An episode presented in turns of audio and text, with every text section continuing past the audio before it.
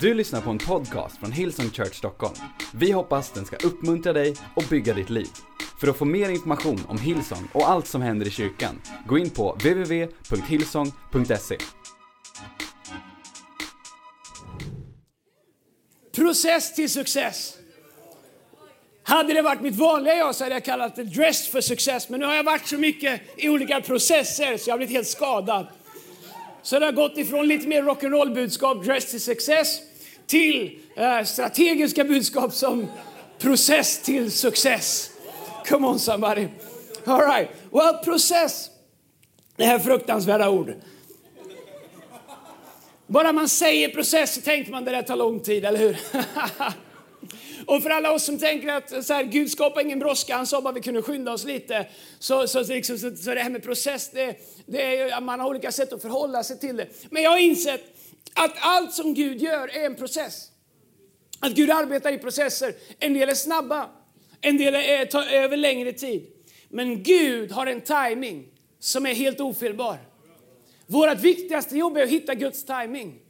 I Guds vilja är oftast enklare att förstå än Guds timing. Det är enklare att hitta Guds vilja än vad det är när man har hittat och liksom på något sätt tankat ner vad det är Gud vill att vi ska göra i våra liv individuellt men som kyrka. Det är enklare att hitta Guds vilja än vad det ofta är att hitta Guds timing.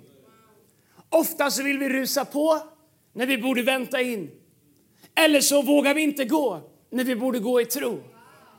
Timing är oerhört viktigt. Process är bara viktigt om det tar oss mot det som Gud har kallat oss till, eller det som du vill komma till. En del människor älskar processer så mycket så de kommer aldrig ur dem. Det är som en ständig rundgång. Vill bara träffas och diskutera och dra pilar och scheman och boxar och allt möjligt som ingen människa är intresserad av. De lever i en ständig process. Det är inte målet som är det viktiga, det är resan. Vilket skitsnack! Det är klart det är målet som är viktigt. Vi ska väl någonstans för hela världen. Om du ska åka, om jag kör mina barn till skolan på morgonen, vilket vi gör. Nej, det är inte målet som är viktigt, det är resan. Resan är fantastisk. Jag älskar våra morgon liksom drives till skolan och jag älskar att skolan har tänkt till så det finns en drop-off zone där man bara kan snurra runt fint och slänga av dem, äh, släppa av dem. Och också åka och hämta dem, att de står uppradade fint där. Eh, de går på en internationell skola, tack Jesus. Så, så det går ganska smidigt. Men jag älskar våra liksom drives som vi har till skolan på morgnarna. Jag älskar samtalen som, som är där när man sitter 20-25 minuter på vägen till skolan. När, när, när man stänger av mobilerna och, och, och liksom tjejerna börjar prata. Jag älskar, jag älskar resan. Men målet är ju faktiskt att få dem till skolan och lära sig någonting. Eller hur?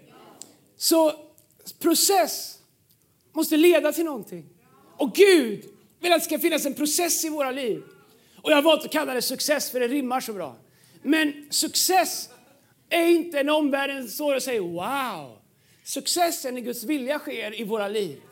Men för att Guds vilja ska ske så måste det finnas en process. Och jag är inte så bra på att vänta så min, min liksom, jag vill ofta rusa på. Kanske är du sån som ofta liksom vill hålla dig tillbaka för mycket. Men det finns en timing. Eva i Bibeln, Kain, alltså Abels bror, och Esau är tre personer som fick det de ville ha, när de ville ha det. Men de missade det Gud hade förberett för dem för de tyckte att det tog för lång tid.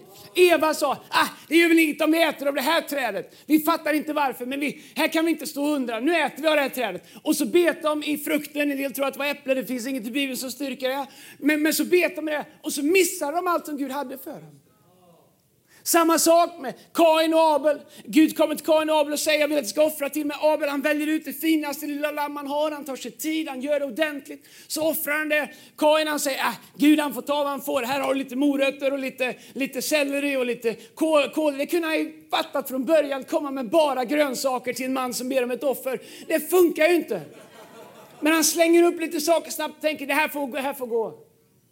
Esau kommer hem hungrig jägare, hårig säger Bibeln att han är. En, en mans man som, som man sa på den tiden och, och han, han är hungrig, men han ska ta över efter, efter Isak. Han ska ta över, han ska få handen på sitt liv, han ska fortsätta leva. Man skulle ha sagt Abraham, Isaks och Esaus Gud. Han hade den förstfödslorätten. Men en dag kommer han hem och är så hungrig. Och ni vet hur det kan gå med män när vi är riktigt hungriga. Ingenting här uppe funkar. Min fru har insett att ibland så är det bättre att sluta prata och göra lite mat och så tar vi konversationen 30 minuter in när blodsockret har hamnat på normal nivå. Men, men med Esau, han kommer hem, man har allting men han tycker det här tar för lång tid. Jakob, ge mig en skål med soppa så löser vi det här. Så byter han bort sin framtid för att han tycker att processen är för trög mot en skål med soppa. Så han väljer tillfällig tillfredsställelse mot långsiktig success. Det mesta som Gud gör i våra liv är en process. Skapelsen, skapelsen var en process. I begynnelsen var himlen, eh, i begynnelsen var ordet, ordet var Gud, ordet var Gud.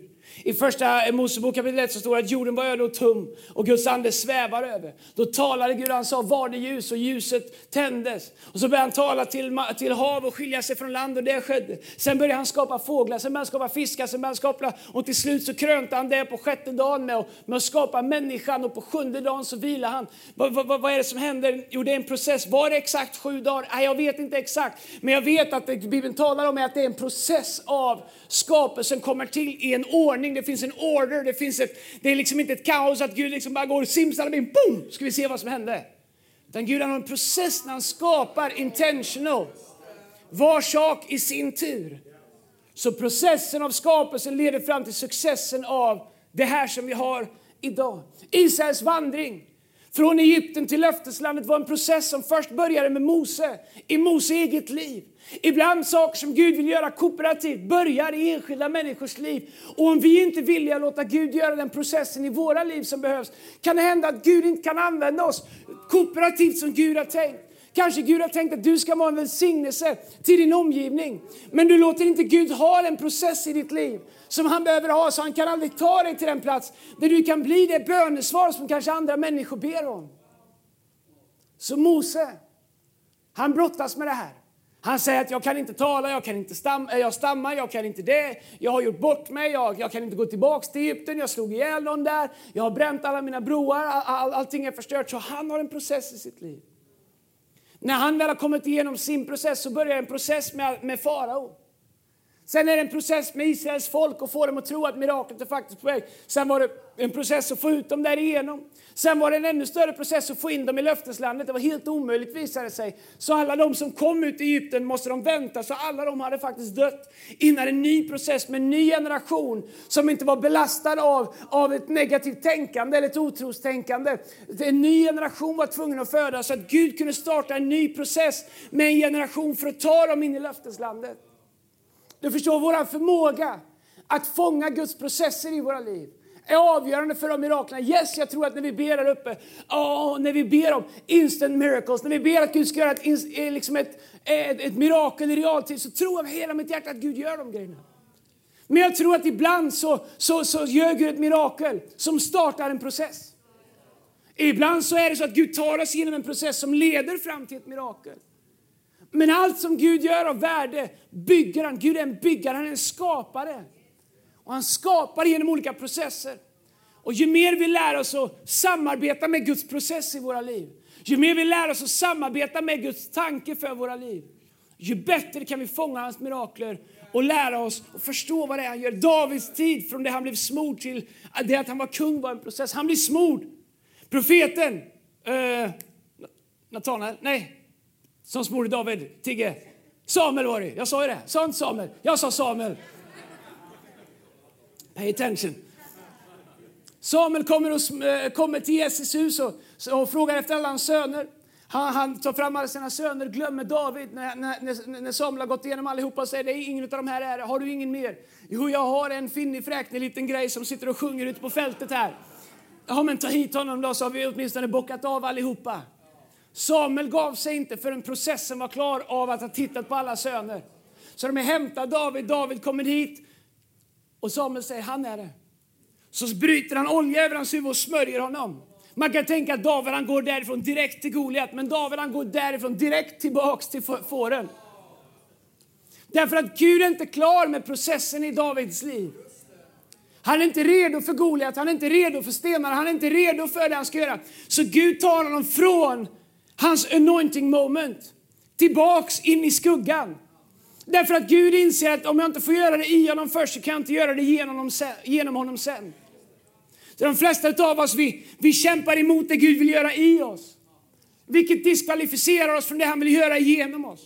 Och så tittar vi på människor som Gud gör saker igenom och så tänker vi om jag bara gör likadant. Och så, och så upptäcker vi att det funkar inte. Anledningen att det funkar för dem du tittar på är att de först, innan du ens visste vart de var, hade varit på en plats där ingen såg dem och låtit Gud ha sin process i dem. Så att Gud nu kan göra det igenom dem. Så Gud är mer intresserad av vilka som vill följa med honom ut på fältet och, bli, och, och där han får göra det han vill i dem. Än vilka som står och viftar. Gud, sätt upp mig på scenen. Gud, när får jag synas? Gud, var är mitt breakthrough? Come on, say breakthrough. Jag kan predika om breakthrough. Alla kan stå på huvudena, fladdra med öronen, klappa med fötterna. För alla vill ha ett breakthrough. Men vem vill ha en process i skuggan där ingen ser någonting? Där Gud gör saker som kommer bära oss för evigt. Till styrkan i vår kyrka är vad Gud får göra i oss. Inte alla brighta idéer eller edgiga videos som vi kan göra. De är jättebra också. Om du nu håller på med video, I love you. Men styrkan i vår kyrka, styrkan i den här kroppen är det som vi låter Gud göra i våra liv. På ett individuellt plan, men också tillsammans. Ju fler av oss som säger låt din vilja ske i mig. På det sätt du vill, i den takt du vill, på den plats du vill. Ju starkare blir vår kyrka. Ju starkare blir våra, liksom våra kroppsliga muskler. Och när David jag har inte ens kommit med predikan, men, men jag, får, jag har några veckor på mig här. Jag ska få, äntligen få börja predika igen. Det känns som jag inte predikat på månader. Jag vet inte vad, vem som har planerat söndagarna det sista. Det är jag. Men, men, men här är grejen. David, han går ifrån ödemarken. Så kommer han till, eh, till, till, till, eh, till där filisterna står och israelerna står och, och det är krig. På den tiden så var ju kriget ganska enkelt. Man ställde upp sig på varsin sida av en kulle, eller på varsin kulle och så var det en dal i mitten ungefär så. Och så stod man där och skrek till varandra, liksom du vet som huligan, som, som eh, AIK och Djurgården. Man står där eh, och, och, och, och, och härjar på varandra liksom och sjunger ramsor och grejer och har sig. Så kliver Goliat fram. Och han är lång som ett ösregn och man, man, man tror att han är liksom 3-4 meter lång och, och, och han står där och han utmanar Israels folk. När alla Israels armé som står där de är tränade till att slåss. Okay? De har haft en yttre process av att lära sig att slåss, men de har inte haft en inre process som har gett dem något mod. Så ingen av dem vågar steppa upp till Goliat. Men helt plötsligt kommer David där och han som har blivit smord till kung, vilket innebär att man också är smord till att bli ledare för armén på sikt. Han har varit ute och hållit på med, med fåren. Han har skyddat dem från lejon och från björnar och olika saker. Han kommer här nu med, liksom, eh, med, med fika till, eh, till, eh, till, till sina bröder. Man kan tänka sig, Gud du la din hand på mig och här kommer jag med fika. Så de flesta av oss vi tittar på vad Gud ber oss göra i vår process och säger Gud, hade det där varit du, då hade jag inte kommit med fika, då hade jag kommit med svärd. För Gud, han hade sänt mig med svärd. Vad är det här för folk som vill att jag ska gå med fika? Så Gud smörjer David, skickar tillbaka honom i skuggan. Sen så ber hans pappa honom gå med fika till sina storebröder. Vad är det för smörjelse han har fått egentligen? Så, så många av oss vi tittar på vad Gud gör och så tittar vi på vad Gud ber oss göra. Och när vi tycker att det matchar så sorterar vi givetvis bort vad Gud har bett oss göra. För vi utgår från vad vi tycker att vi borde göra. Men jag har insett att om du inte är villig att bära fika när Gud ber dig så är du inte, så är du inte mogen att bära svärdet när Gud ber dig heller. Och det gäller för oss alla. Vi brukar säga att om, om du är för stor för att vara med och tjäna så är du för liten för att vara med och leda. Om du är för, vi brukar säga om du är för stor för att vara med och ställa i ordning plattformen så är du för liten för att stå på den. Så Gud letar inte efter perfekta människor, han letar efter människor som helhjärtat vill bli använda och vågar lita på Guds process i sitt liv. Så David han är där och han har haft en process som har pågått i sitt liv. Så hör han Goliat och sen ska ingen av er göra något åt det här. Vad är det som händer i Davids liv? Jo, processen i Davids liv börjar nu göra anspråk på omgivningen. Försök fånga vad jag säger nu. David han har varit i det fördolda. Ingen ser mig, ingen frågar efter mig, ingen, ingen vet med alla bra låtar jag har skrivit. Det var ingen här och applåderade när jag, när jag försvarade fåren mot lejon och björn. Jag har varit här själv. Hur länge ska jag vara här själv? Hur många låtar ska jag skriva? Hur, hur många får ska jag förlösa? Eller lamm, vad är det man förlöser? Hur, hur länge ska jag gå och hålla på här? Hur många får ska hälla olja i huvudet på? Man hällde olja i huvudet på dem för att insekter inte skulle bita sönder dem. Helt plötsligt så, så, så, ropar, så kallar hans pappa på honom och säger David jag behöver dig. De tänker äntligen, jag ska få göra viktiga saker. Hej David, jag har satt ihop en fikakorg här, kan du gå med fika till dina riktiga bröder? Så kommer David dit, men när han hör Goliat provocera Gud och häda Gud så börjar processen göra anspråk på Davids inre. Ser du, det vi tror är bortkastat, det vi tror är värdelöst, det vi tror är bara tid som försvinner, det vi tror är liksom meningslöst för ingen ser, för att det inte är på Instagram eller Snapchat eller vad det är. Det är det som Gud värderar och det är det som Gud kommer börja försöka ta tag i när Gud vill använda oss sen. Så processen som David har varit i börjar göra anspråk och ställa krav nu på omgivningen. När David säger, ska ingen av er ta er an honom? Varför säger David det? Därför att han har haft en process där han har vakat med sitt eget liv över sin fars får. Den processen har gjort honom till någonting. Så nu när han hör Goliat så säger han, ska ingen av er göra någonting här? Och när alla tittar ner i backen och ingen möter Davids blick, så säger David, då gör jag det själv. Så ställer han ner fikapåsen. Och då säger Saul, ja, om du är så dum så gör det. Här, du får åtminstone ta på dig min röstning. Saul hänger på honom sin egen röstning, men här är grejen. Det är inte Davids röstning. På samma sätt som jag kan inte ta över någon annans process. Jag kan inte bara för att någon annan har gjort en resa, så kan inte jag säga, ja men då ska jag också ha det. Utan var och en av oss måste göra vår egen resa så att vår röstning passar oss. Var och en av oss måste våga oss, låta oss bli ledda av Gud så att den röstning som Gud har för oss passar oss. Vi lever ju också i liksom en snabb värld där vi säger okej, okay, jag kan ha det, jag kan köpa det, jag kan beställa det, jag kan ta det. Men det som Gud vill göra i oss är 100% connectat till den process som vi låter Gud ta oss igenom. Så David han står där med Sauls röstning och säger, det här passar inte, jag kan inte röra mig. Ta av det här. Säger de, men ska du gå upp emot den i bara det där kallingarna, har det där skynket och har det där insvepet som du har. Ser ut som en stjärngosse som det har gått fel för nu liksom ihop med den där slungan. Men när han står inför Goliat så börjar Goliat håna honom och säger, vem är du, lilla fåraherde? Hade de inga riktiga soldater? Vilket träningsläger har du varit på? Vilka fighter har du varit med i tidigare? Och han börjar håna David, han börjar håna Davids Gud, vilket är det sämsta han kunde gjort. Han skulle hånat hans får eller vad som helst, men han skulle inte hånat hans Gud.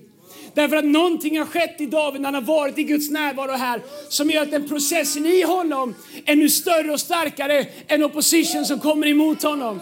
Så han säger så här, du, David svarar, jag gillar David för han har, han har också lärt sig trashtalka, han har övat på det där ute i, i, på fältet lite. Så han säger, du kommer emot mig med svärd och lans. Men jag kommer emot dig, Herren Sebaots namn. Vad är det han säger David? David säger, jag har varit någonstans. Jag har upptäckt någonting. Jag har, jag har tillåtit någonting få ske i mig. Så han använder inte Herrens namn som liksom bara liksom det är det starkaste jag kan dra till med. När han vet vad Herrens namn, Herren Sebaos namn representerar, i det ögonblick som han säger det så förstår han och vet vad det är, vad det innebär. Därför att han har haft en process där Gud har fått göra det i honom. Jag undrar hur många av oss som har en kallelse, ett opportunity som väntar på oss om vi bara vågar ge oss till Guds process i våra liv. Här är grejen med Guds process, jag ska vara ärlig med dig. ibland känns det som man går bakåt. Ibland känns det som man vill gå in i staden medan Gud försöker dra en ut på fältet. Det är därför så många av oss hoppar av så ofta. Ja, Gud, vi har det är som en himla Bror Breja känns det ibland. Jag hoppar av och Gud drar mig in och jag hoppar av och Gud drar mig in. Så det viktigaste i våra liv, det är att stanna i Guds process. Det är att låta Gud göra det i oss som han behöver. Så att han kan använda oss där han har satt oss. Jesu, Jesu vandring på jorden tills han dog och uppstod var en lång process. 30 år ungefär traskade han runt och gjorde, eller jag vet inte vad han gjorde. Han byggde, snickrade, grejer, hade sig. Vi vet inte så jättemycket om han gjorde. Han var i templet någon gång där och gjorde lite olika saker. Under tre, tre, tre och ett halvt år när han hade sin ministerdel så gjorde han massa saker, men det var en process fram till hans död. Till och med hans död var en process. Han dog på, på en dag, uppstod tre dagar senare. Det var en process. Petrus. Det var en process för Petrus när han gick ifrån pucko till predikant. Han, var, han gick liksom ifrån helt liksom halvpsykopatisk till att bli den som stod upp på pingstdagen och sa vi är inte fulla som ni tror utan den Kristus som ni har korsfäst, han lever och han är verksam här idag och han talar så frimodigt och så klart och så tydligt och så trovärdigt om det. Han som bara några veckor tidigare hade liksom skakat knä när en tjänsteflicka frågade är inte du en av de som var med Jesus och hela hans liv faller samman. Han ljuger och förbannar Jesus. Men, men Gud tar honom genom en process av upprättelse. Han springer till graven. Han vandrar med Jesus. Han träffar Jesus när de har låst in sig. Jesus kommer i Johannes 20 kommer in till dem och säger frid vare med er. Och han får se hans, eh, hans, hans eh, händer, han får se hans sida, han får se att han har ett korsfäste. Och, och på, på bara några veckor tar Jesus honom genom en process som tar honom från rädd till ostoppbar. En process till success. Gud kallar Noa att starta en process med att bygga en båt. Och Noa börjar med att göra en bräda. Så låt mig fråga, av på hela arken, vilken bräda var viktigast? Den första eller den sista? Alla var lika viktiga. För hade han bara hoppat över en enda bräda så hade det inte blivit någon ark. Ibland säger vi att det första är det viktigaste, eller det sista är det viktigaste. Faktum är att alla brädor är lika viktiga. Alla steg var lika viktiga. Även de brädorna som ingen skulle se. Även de som bara var support, även de som bara var där, liksom, alla var lika viktiga. Och, och vi har en tendens att glädjas, glädjas saker är klara. Men kolla här med Gud. Om jag får börja min predikan. Ni får hoppas på täterna får koka länge i Jesu namn. All right? Vi har en tendens att glädjas när saker är klara. Vi firar när saker är i mål. Vi, vi, vi, vi hissar det färdiga resultatet, vi hyllar det färdiga resultatet. I vår populärkultur så, så, så, så celebrerar vi liksom vinsten, performancen, det synliga vinsten, eller hur? Men Gud han är annorlunda. Det där har Gud i och för sig redan sett. Men Gud, han gläds mycket mer när det börjar. Gud är mycket gladare när någonting börjar än vad han är när någonting fullbordas. Det är inte att han inte är glad, men allt i Guds karaktär. Kolla här i Sakarja 4 och 10 så står det så här. Förakta inte det som påbörjas i det lilla. För Herrens ögon gläds när han ser arbetet komma igång. Jag älskar den översättningen. Herrens, eh, eh, eh, herrens ögon gläds när han ser arbetet komma igång. Människor gläds när det är färdigt, Gud gläds när det börjar. Förakta inte det som påbörjas i det lilla. Du förstår att om du vill ha Guds ögon på dig, ta det första stapplande steget. Det är det Sakarja säger, Gud han gläds när han ser oss ta det där första stapplande, ibland till synes obetydliga steget in i den process som han kallar oss till. Och, och, och bara för att poäng, göra en poäng av vad jag menar att vi, vi är så fokuserade på slutresultat i våran tid och ibland så får vi problem att förstå hur Gud tänker. Kolla här, jag, jag googlade lite och tittade på saker som har sagts i början av någonting. Som man, som man förmodligen när det, har, när det har blivit fullbordat ångrat att man sa. Att man inte förstod värdet av början. iPoden kommer aldrig bli en höjdare, sa Sir Alan Mitch, Mitchell Sugar eh, 2005. Det finns inte en chans att iPhonen kommer få någon betydande marknadsandel, sa Steve Ballmer, VD för Microsoft 2007. Tror han hade velat ta tillbaka det om han hade kunnat? Jag tror att det finns en världsmarknad för kanske fem datorer, sa Tom, eh, Thomas Watson, styrelseordförande i IBM 1943. fem datorer! Det har i ett par år utlovats en stor platt tv-skärm som skulle kunna hänga på väggen som en tavla. Men det är troligt att vi aldrig kommer se en sådant system i bruk, sa Arthur Garrett, BBCs teknikexpert 1978. Biofilm är en fluga. Det är konserverad teater. Vad publiken verkligen vill ha är kött och blod på scenen, sa Charlie Chaplin 1916. Det finns inga skäl att någon skulle vilja ha en dator hemma, sa Ken Olsson, VD för stordagsföretaget Digital Equipment 1977.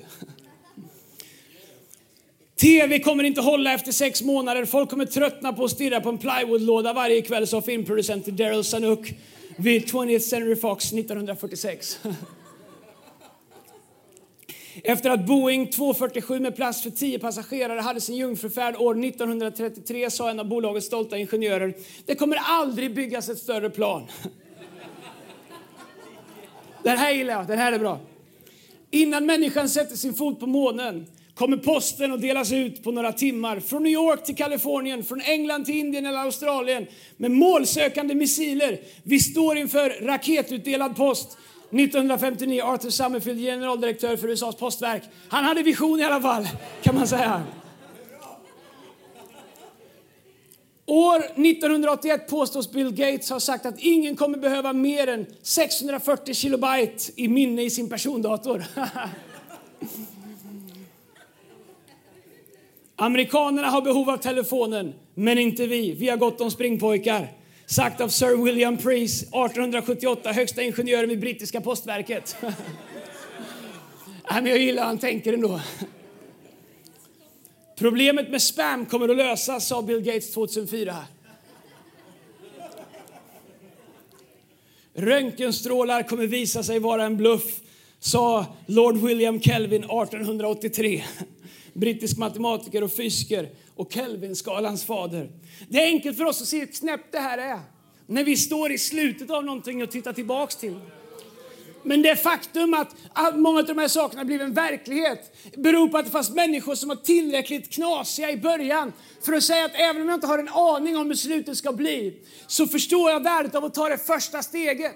Och hela världen är full av människor som kommer kommentera våra första steg för att de inte kan se slutprodukten, för att de inte kan se målet. De kommer recensera våra drömmar, de kommer recensera vår tro, de kommer recensera våra uppoffringar och de kommer kategorisera dem och döma dem och rationalisera dem därför att de inte kan se slutprodukten. Och med självsäkra statements kommer de förklara för oss varför våra små första steg i våra liv mot det som Gud har kallat oss till är bortkastade eller fel därför att de inte ser slutprodukten. Men därför är jag så glad att Bibeln säger att Gud, han är gladare i vårt första steg än vad han är i vårt sista steg. Därför att han vet att utmaningen är inte får oss att ta våra sista steg, utmaningen är att få oss att ta våra första steg.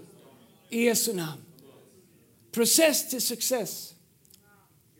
Det är enkelt för oss att se hur knäppt det här jag läser är när vi sitter tillbaka med facit i hand.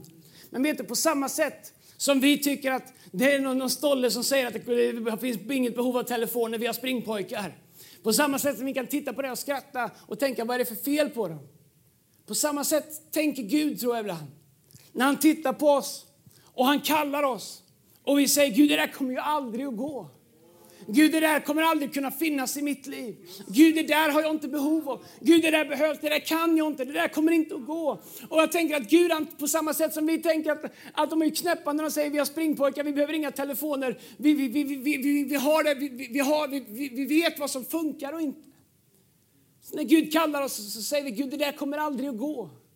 Det där kommer aldrig funka. Jag tänker ibland Gud han måste, eftersom Gud är alfa och omega, han är både i början och slutet, så tänker jag att Gud han måste ibland stå liksom. Han har redan passerat våran egen mållinje eftersom han redan är där. Och tänka hur svårt ska det vara att få dessa människor i Hillsong Church Stockholm och tro att vad inget öga har sett, vad inget öra har hört, vad inget människohjärta kan förstå, har jag redan förberett för dem som bara börjar våga ta första steget som börjar våga ge sig till en process som kan leda till success. Gud gläds när vi börjar. Och lyssna här, det är därför som han låter oss börja om. Och börja om. Och börja om. När jag växte upp så, jag spelade, jag spelade många gamla låtar det fanns en låt som vi sjöng, Börja om än en gång i mitt liv. Och när jag var tonåring och livet slirade lite grann så tyckte jag om att sjunga den, den var lite ångestdämpande när man kom hem sent på nätterna från krogen och, och satte med gitarren och man sjöng Börja om en gång i mitt liv. Man känner ja, man får göra vad man kan på, på slutet av kvällen i alla fall.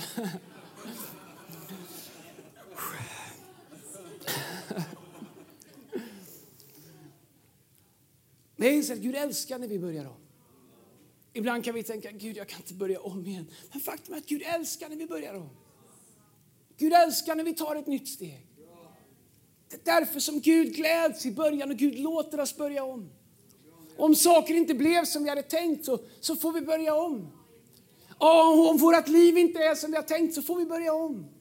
Om det vi satsade på vi inte nådde ända fram och det inte blev som vi hade hoppats så får vi börja om.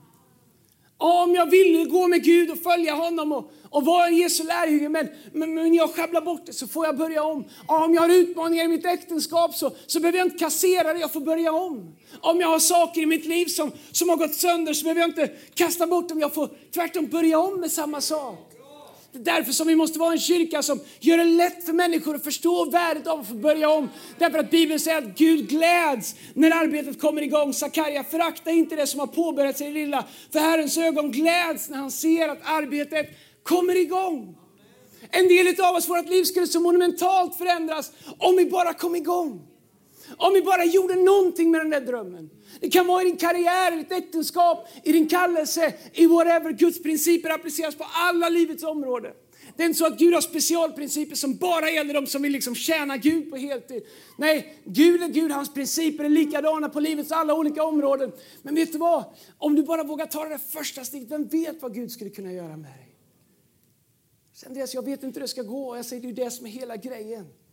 Process till success. Så många väntar med att göra något för att de inte vet exakt i sitt hjärta hur det ska sluta. Men jag upptäckte att om jag bara börjar våga använda det jag har i min hand så kommer det ta mig till det som finns i mitt hjärta. Och även om bilden av vad som finns i våra hjärtan ibland kan vara grumlig så kan det bli tydligt genom att titta på vad vi har i vår hand. När Moses, som vi pratade om tidigare, står inför Gud vid den brinnande busken och förklarar för Gud varför han inte kan bli använd, varför att han stammar, för att han har alla de här problemen. Så säger Gud, vad har du i din hand? Sluta berätta för mig vad du saknar på insidan. Berätta för mig vad du har i din hand. Mose säger, vadå min hand? Jag har en gammal, gammal käpp. Och Gud säger, fantastiskt, jag kan använda en gammal käpp. Och med den käppen så delar han Röda havet, med den käppen så slår han på klippa så vatten kommer. Den käppen så, så gör han mirakler med, med, med, med kopparormen och med den, Gud använder den här käppen på ett fantastiskt sätt. En gammal käpp. Vad skulle Gud kunna göra med det du har i din hand? Och jag har upptäckt att när konturerna av det som finns i mitt hjärta ibland är grumliga, för det är de även för mig, så är lösningen inte att få panik, utan lösningen är att fokusera på det jag kan se och börja använda det jag har. Och jag upptäckte att när jag börjar använda det jag har, så börjar det alltid leda mig i en process till det som jag har på insidan. Och det som Gud har lagt det. Kanske du är här idag du bär på en längtan. och Du säger Gud, jag vet inte ens hur ska jag någonsin komma dit. Mitt svar till det, starta en process, ta det första steget genom att titta på vad är det jag har i min hand. Kanske du är här och drömmer om att bli predikant. Säger, hur ska jag bli predikant? Och låt mig ge ett bra tips. Hjälp till att börja göra i ordning scenen varje söndag. Tänk, jag, jag, jag, drömmer om att få, att få jobba med människor. Jättebra, starta en connect-grupp. Börja vara en sån som sätter på kaffet och öppnar upp ditt hem och öppnar upp din soffa. Börja öva där, gör någonting, gör det du kan. Gör någonting. Ta ditt första steg och känn hur Gud börjar glädjas med dig i ditt första steg där du startar en process. I det som vi är inne i med Göteborg och med Jönköping och Örebro. Det är vi fantastiska vi har där hemma. Om du frågar mig Andreas hur ska det gå så har jag absolut ingen aning och tänka för mycket på det så får jag panik. Men det jag vet, det är vad Gud har lagt i våra händer. Det jag vet är vad Gud har kallat oss till. Och jag vet att om vi bara fortsätter att se till att varje människa räknas, att varje, var, varje människas story har en betydelse, att varje person är värd att bli sedd, uppmärksammad, älskad, inkluderad, eh, villkorslöst bekräftad. Om jag, om jag bara gör det jag vet att vi har i våra händer, så tar Gud hand om det andra. Jag vet inte hur kommer fram till det. I don't know. Jag vet bara vad Gud har lagt i våra händer. Han har sagt att varenda person som finns i våra liv, i våra närhet, i våra vardagar har Gud sänt oss som en kanal för Guds godhet för att visa dem vem Gud är. Jag vet att oavsett vem som kommer igenom de här dörrarna, vilken campus den kommer till, så är de älskade av Gud redan innan de går in. Din story spelar ingen roll var du kommer ifrån, spelar ingen roll hur ditt liv har sett ut. Det faktum att du är här gör att du är okejad. Du är godkänd, du är välkommen utav Gud. Det har vi i våran hand och det är det enda vi behöver fokusera på. Därför att Gud är Gud och Gud vet vad Gud behöver göra. Så ibland fokuserar vi så mycket på slutet att vi aldrig vågar ta vårt första steg. Vilket första steg skulle du våga ta om du visste att Gud redan var i slutet? Vad skulle du börja göra idag om du skulle börja använda det du redan har i din hand? Vilket syfte och purpose skulle din vardag kunna få om du connectade till det du drömde om, till det du längtade efter, till det som Gud har lagt på insidan av dig? Där ställa klockan på kvällarna helt plötsligt till och med får ett annat värde. Vet du vad, även i den säsong som vi är i, och jag ska erkänna att den är lite stretchande, man sover lite mindre, man jobbar lite mer, man tänker lite mer, men det, det, det är en väldig utmaning. Men vet du vad, när jag ställer klockan på kvällarna så längtar jag till nästa dag. Och jag tänker, gode Gud, kommer du vara vaken så här tidigt? Men det är han givetvis, han slumrar aldrig och sover aldrig. Det är, han har det ju bättre än vad vi har det. Men vet du vad? Mitt i när du känner liksom att du kanske, det kanske känns som du är en stor torktumlare och bara åker med, så kan du ändå känna den här meningen. Tänk att få ställa klockan. Tänk att imorgon ska vi göra det här. Tänk att imorgon ska Gud visa oss det här. Tänk att imorgon ska Gud leda oss i det här.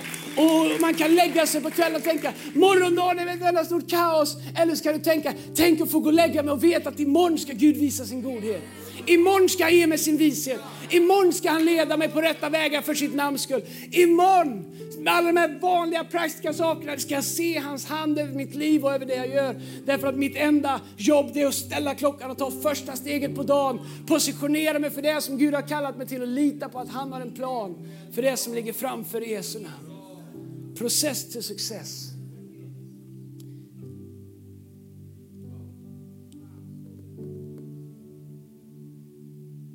Thank you Lord. Jag hade ju massa punkter.